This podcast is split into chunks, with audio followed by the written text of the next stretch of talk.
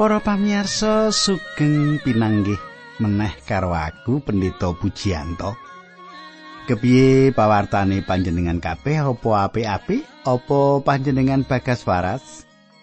Yo pandungaku saka batu kanca-kanca ing batu tansah ndongaake panjenengan supaya panjenengan tansah pinaringan bagas waras jinangkung karo Gusti lan tansah pinayungan rahayu. Aku bakal bebarengan karo panjenengan sawetara wektu iki, yaiku ana ing sajroning adicara margi utami. Adicara kang wis panjenengan anti-anti mengkono tak jaluk panjenengan wis nyawisake kitab suci lan nyawisake wektu supaya panjenengan ora mloka mlaku rono rene mengkono. Awit apa sing ndak andharake iki penting kanggo tetuwing kasukman panjenengan lan aku. Sugeng midhangetake adicara iki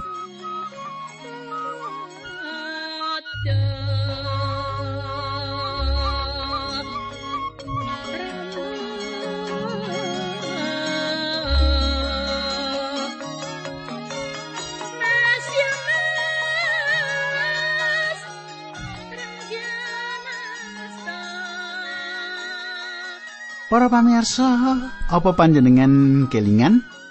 Apa sing diaturake ana patemon kita kepungkur tak jaluk panjenengan isih kelingan apa sing diaturake nalika kita ketemu kepungkur? Nanging becik menawaku ngandharake reringkesan apa kang diaturake nalika kita ketemu ing dina kepungkur. Ing patemon kita kepungkur kadangku kita wis nyemak teruse saka dungane Gusti Yesus Kristus kanggo para murid-murid kagungani utawa murid-murite. Sebanjuri kepiye teruse perangan iki, ayo kita semak bebarengan ing wanci iki nanging sadurunge kuwi aku bakal ngaturake salam dhisik. Wah, iki salam marang Rina. Rina, Ibu Rina apa Rina? Iya.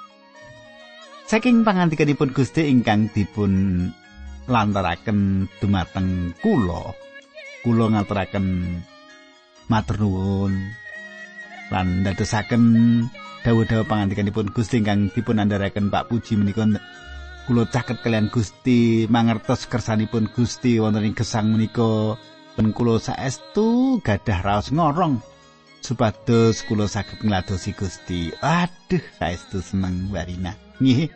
Kanthi pangandikan menika ingkang kula andharaken tetesaken Mbak Rina tinimbalan kalian Gusti saged ngladosi Gusti. seneng sanget kula nggih. Nah katangku, ayo kita padha ndedonga dhisik. Kanjeng Rama ing swarga kawula ngaturaken gunging panuwun menawi wekdal menika kawula saged tetunggilan kalian sedherek kawula. Kawula ndongaaken dumateng putra-putra paduka ingkang gadah pepinginan ngladosi paduka. Duh pangeran kawula nyuwun supados Gusti maringi wewengan dhateng kadang-kadang kula menika ingkang gadah pepinginan ngladosi paduka. Kintenipun Gusti berkahi Gusti nuntuni kanthi makaten pelatusan menika saestu saged ngluhuraken asma paduka. Dinambaran asmanipun Gusti Yesus Kristus kawula netunggal haleluya amin.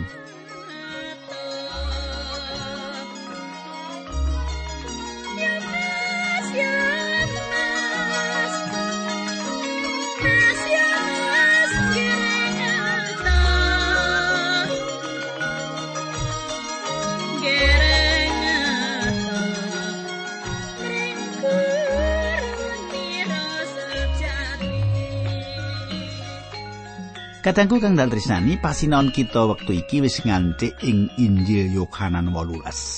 Wis tekan Injil Yohanan 18, sedhiluk maneh rampung. Kita bakal mlebu ing sadroning pamilah kang kaping 5 saka Injil Yohanan iki. Paseksine Gusti Yesus marang jagat. Perang iki nyakup pasal 18 nganti pasal 20. Kita bakal nyemak ing pasal iki yen Gusti Yesus dicepeng lan diadepake marang Imam Agung. Keterangan ing kene rada beda setitik karo keterangan saka Injil sinoptik yaiku Matius, Markus lan Lukas. Kang ditengenake ing telu Injil iku yaiku bab kamanungsane Sang Kristus, kasunyatan kamanungsane lan marang kasangsaran saka sang juru slamet. Ing sadurunging catatan telu Injil kang kawitan iku nalika panjenengane nyaketi Yerusalem panjenengane ngendika yen panjenengane bakal sedo ana ing kono. Gusti Yesus nyebutake gegayutan karo anggone sedo patrap kang bakal ditampa panganiaya saka wong-wong dudu Yahudi lan sebanjure anggone wungu secara raga. Sedulurku, ing sajroning Injil Yohanan kang ditengenake yaiku bab sifat kealahane Gusti Yesus. Kang ditengenake ing Injil Yohanan yaiku sifat kealahane Gusti Yesus. Panjenengan iku manungsa Allah. Ing sajroning Injil iki lan kang ditengenake ing kene yaiku marang kaluhurane. Panjenengan iling kaya ngopo asringe Gusti Yesus ngendika ing sadroning wulangane yen panjenengane bakal bali marang Sang Rama, iki selaras karo kang ditengenake bab kaluhurani. Coba saiki kita waca ayat siji. Sawise Gusti Yesus ngaturake kabeh iku mau banjur miyos saka ing kono, tindak menyang ing sabrangi kali Kidron kaderekake dening para sekabate ing kono ana petamanan kang tumuli dilebeti karo para sekabati.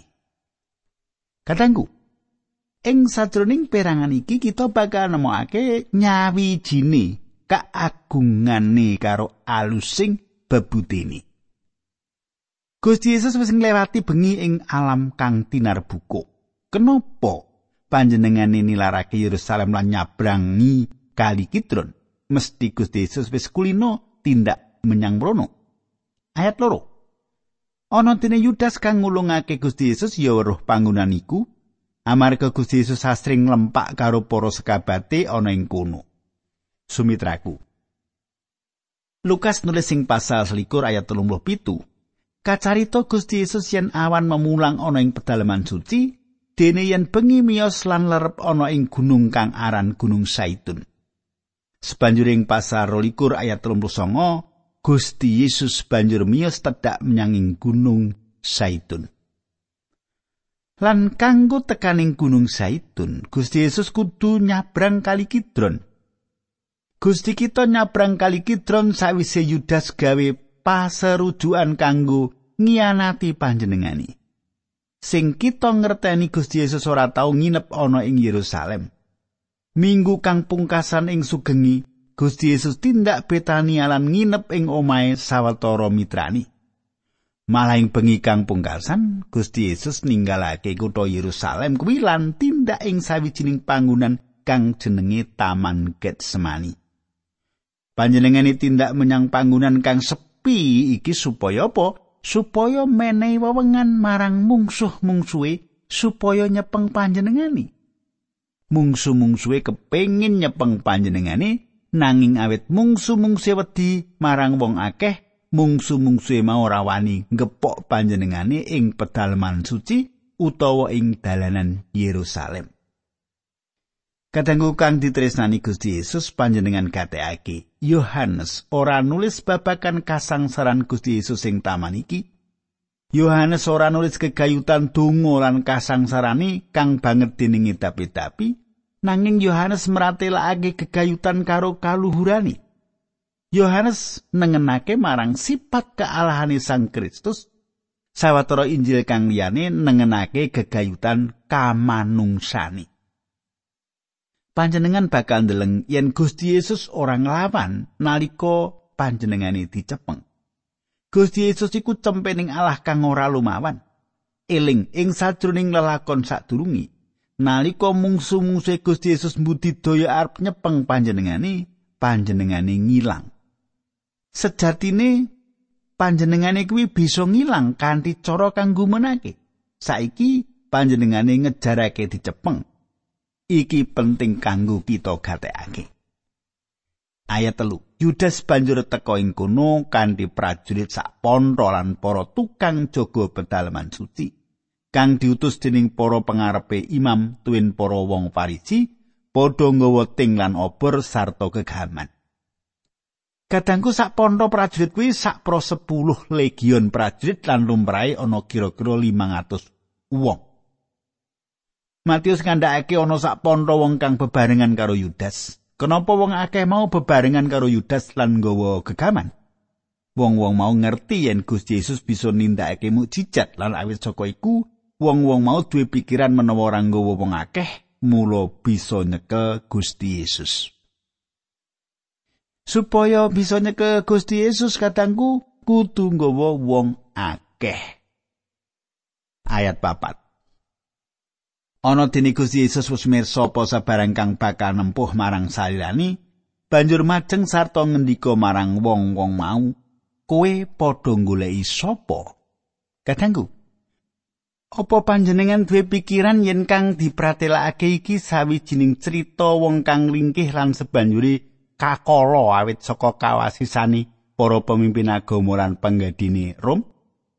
Manawa Gusti Yesus ora masrahake sarirani kabeh gaman wong-wong mau wis mesti ora bakal ana gunane lan ora ana tegese menawa Gusti Yesus ora masrahake sarirane kabeh gamane wong-wong mau ora ana gunane lan ora ana tegese katengku.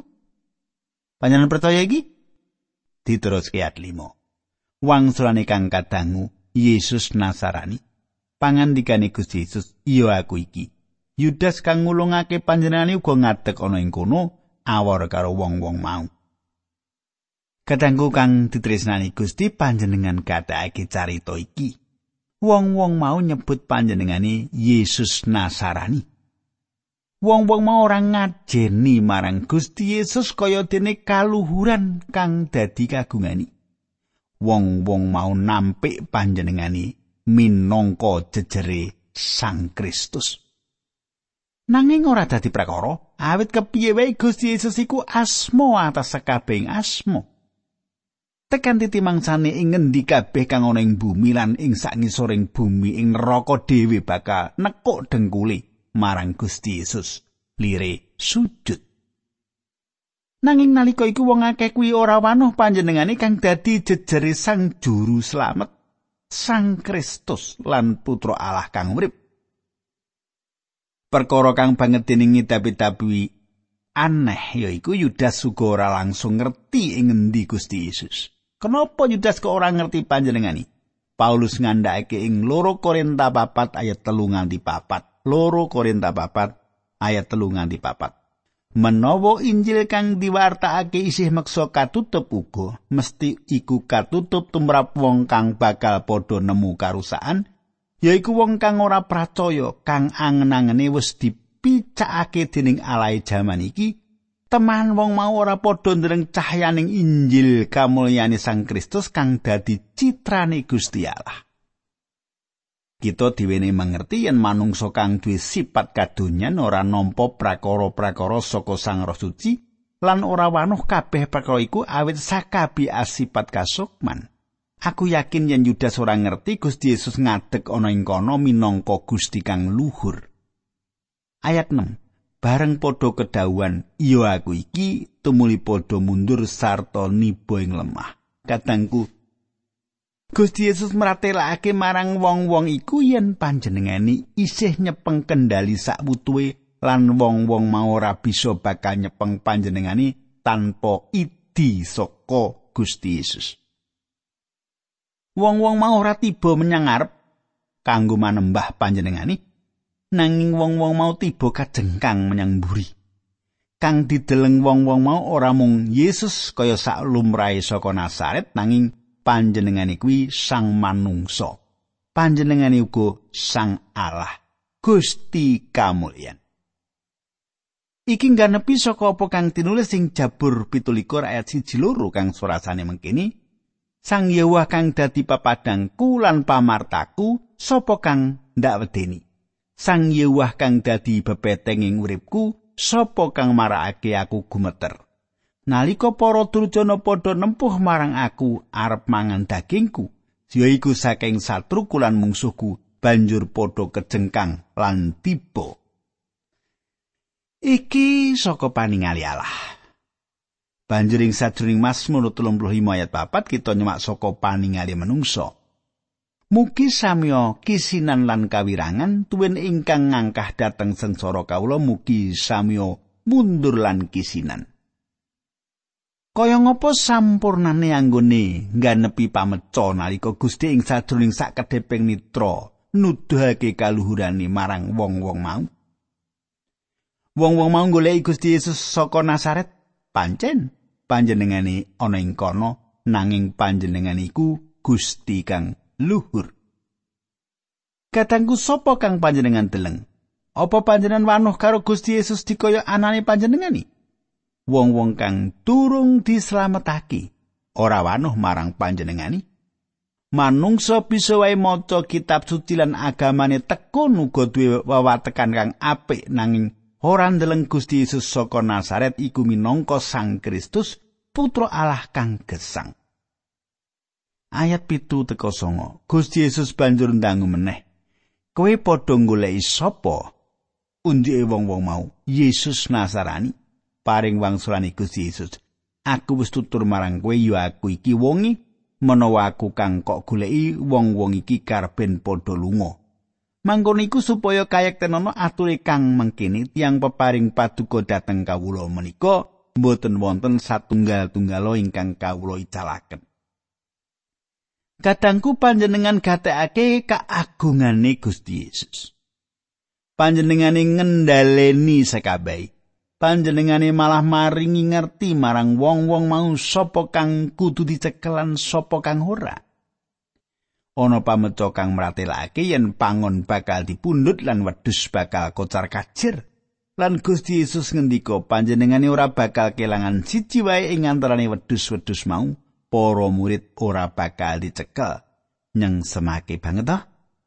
Bisa uga akeh wong kang duwe pikiran menawa para murid mau kacekel mula para murid bakal dadi seksi lumawan Gusti Yesus utawa melu ngadepi dakwan minangka wong kang nindakake piolo nanging para murid mau ora kacekel ora dicekel. Ayat 10 Simon Petrus kang asih ke pedang banjur ngunus pedangi disabetake marang abdi Imam Agung kupingi tengen perung abdi mau jenenge Markus. Kenapa wong-wong ora nyekel Simon Petrus atas patrape kang kaya mengkono? Ayat 11. Gusti Yesus tumuli ngendika marang Petrus pedangmu wrangkakno apa aku ora kudu ngombe isine tuwung peparinge Sang Rama marang aku. Kadangku Lukas meratelake Gusti Yesus kupingi wong mau banjur kaastolan Gusti nyarasake. Nanging kenapa wong-wong mau ora nyekel Petrus? Awit Gusti Yesus wis ngendika karben wong-wong iku lunga. Panjenengane kang nyekel kendali. Simon Petrus tukang ame iwak ora duwe pendidikan iku bisa uga rumangsa wasis. Petrus wis nyuwun pirsa marang Gusti, kenapa dhewe ora bisa lunga menyang papan ing ngendi Gusti bakal tindak? Petrus wis kondo yen dheweke bakal masrahake uripe kanggo Gusti lan pancen dheweke temenan. Nanging Gusti ngendika marang Petrus yen dheweke ora ngerti apa kang dikandhakake lan dheweke bakal nyelaki Gustine ing bengi kuwi. Yaiku uga kang dadi pengalamane Paulus. Paulus mratelake yen sabenere kekarepan kuwi ana ing sadurung dheweke nanging Paulus ora nemokake cara kepiye bisa ngleksanani. Mung panguasane Sang Roh Suci wae kang bisa ngasilake urip kang bangun turut marang Sang Kristus. Katangku kang disi Gusti Yesus. Petrus iku sawijining tukang ame iwak kang ngedap-edapi. Dewe ahli nguncalake jolo nanging kabisan nggunakake pedang banget dening mrehatenake. Petrus anggone medang ngenani kuping nalika dheweke ngincer sirah. Gusti Yesus paring dawuh marang Petrus supaya nyelehake pedangi, ngrangkakake pedangi. Sadurunge nalika Gusti Yesus ngendikan supaya para murid nggawa pedang, pangandikan kuwi kanggo pamlindungani, ora kanggo mbela diri panjenengani. Gusti Yesus masrahke saryane marang wong-wong kang arep nyekel kuwi. Gusti Yesus siap ngunjuk saka tuwung kang diparingake dening Sang Rama marang panjenengani.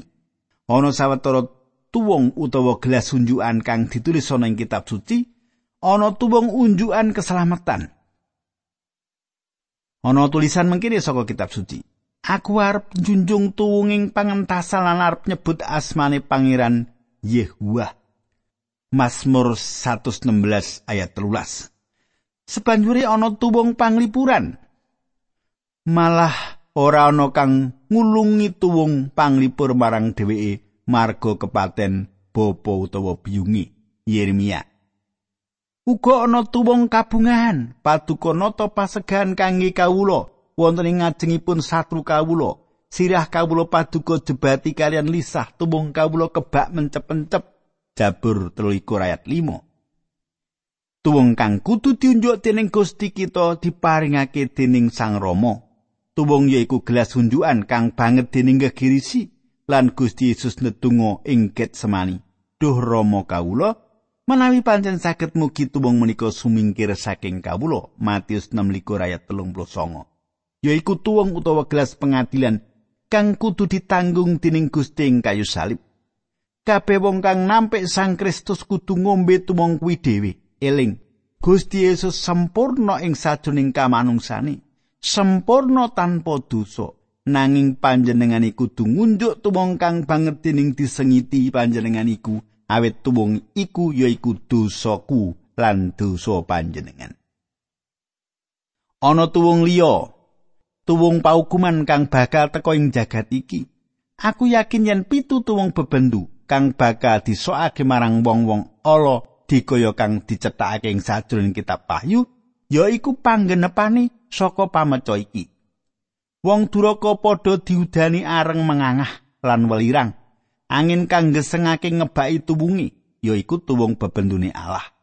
Tampa nono tuwung kang isi anggur bentering bebenduning sun iki saka astaning sun nuli ombekno marang sakai para bangsa kang dadi tujuane anggoning sun ngutus sira Yeremia selawe ayat 15 Kadangku panjenengan gatekake maneh apa kang dingendikake Gusti marang Petrus? Pedangmu prangkakno. Apa aku ora kudu ngombe isine tuwung paparinge Sang Rama marang aku? Gusti Yesus ora ngendika Allah iku hakim lan aku kudu ngunjuk tuwung iki awit iki dawuhe nanging apa aku ora kudu ngombe tuwung peparinge Sang Rama marang aku? Ora ana karilan kang luwih dhuwur ketimbang pangandikan iki aja nganti kita duwe pikiran yen Sang Juru Slamet kita nindakake perkara iku awit saka kepeksa ora Saiki ayat rolas nganti telulas. Prajurit sepontolan obsiri adalah para tukang jogo kang dikongkon dening wong Yahudi banjur nyekel Gusti Yesus tumuli kabesto. banjur kedabyang kajujukake dhisik menyang daleme Sang Hanas awit iku mara sepuhe Sang Kayapas kang jumeneng Imam Agung ing taun kang lumaku iki. Kadangku kang dak tresnani para pemimpin agama yaiku wong-wong kang ngrancang kabeh iku. Awit wong-wong mau wedi marang wong akeh Gusti metu saka kutha iku supaya wong-wong mau entuk wewengan kang dibutuhake kanggo nyepeng panjenengani. panjenengane maju ngadepi wong-wong mau ing sakjroning kaluhuran lan kaagungani wong-wong mau nyekel Gusti Yesus lan mlenggu panjenengane kang sakbeneri babar pisan ora perlu Gusti Yesus iku cempening Allah kang kasembelih wiwit sadurunge panciptan Gusti Yesus ora nglawan apa-apa kang kawitan wong-wong mau nggawa Gusti Yesus marang Hanas mung Yohanes kang menehi keterangan perkara iku secara lengkap awit katone Yohanes duwe kalungguhan kanggo bisa ndeleng kang ora bisa dideleng dening wong liya. Hanas yaiku dongkolan Imam Agung lan bisa uga isih manggon ana ing sakiwa tengene istana Imam Agung. Sejarah kang asipat kadonyan nyeksekake bab kasunyatan yen Hanas iku Imam Agung kang paling pinter lan paling wasis uga duwe watek ala. Kaya pas yaiku Imam Agung kang diakoni dening pemerintah Rom nanging pemimpin agama kang sakbenere yaiku Hanas. Aku yakin yen dhewe iku sawijining pemimpin uga wong politik kang ngerti kepiye ngadepi Rom. Melakoni kabeh pengadilan iku dhewe sakbenere mung lelamisan lan aku yakin yen Hanas ana ing mburine kabeh iku. Kadangku patrap kang ora adil wis ditindakake dening wong Yahudi sak suwene pirang-pirang abad. Golongan wong-wong Rom wis nyebut wong-wong Yahudi minangka wong-wong kang nyidani Sang Kristus. Kang sebanjure dadi landesan kanggo mengkono ana kang sinebut golongan antisemitisme ing Eropa. Nanging wong-wong mau ora luwih tanggung jawab ketimbang karo wong-wong dudu Yahudi. Ing panelitian pungkasan, kita kabeh uga melu nanggung jawab atas sedane Gusti Yesus panjenengane sedo kanggo dosa-dosane jagat. Lan yo Imam Agung Kayafas iku kang mau ngrembugi wong-wong Yahudi luwih maidai menawa wong siji mati kanggo sakabehing bangsa. Kadangku Manut aku Yohanes nulis sing kene kanggo nuduhake yen wis ana rancangan sadurunge yen Gusti Yesus kudu sedo. Para pemimpin agama wis mutusake perkara iki, kabeh pengadilan kang ditindakake kanggo Gusti Yesus iku mung lelamisan wae. Katangku tak cukupi semene dhisik, ayo kita tumungkul, kita ndedonga terus dina candhake aja ngantek panjenengan orang ngrungokake. Ayo kita ndedonga. Duh Gusti Allah kawula ngaturaken gunging panuwun menawi wekdal menika kawula saged tetunggilan kawula saged midhangetaken sabda pangandikan paduka kawula nyuwun Gusti berkahi sedherek kawula menika linambaran asmanipun Gusti Yesus Kristus kawula netunggal haleluya. Amin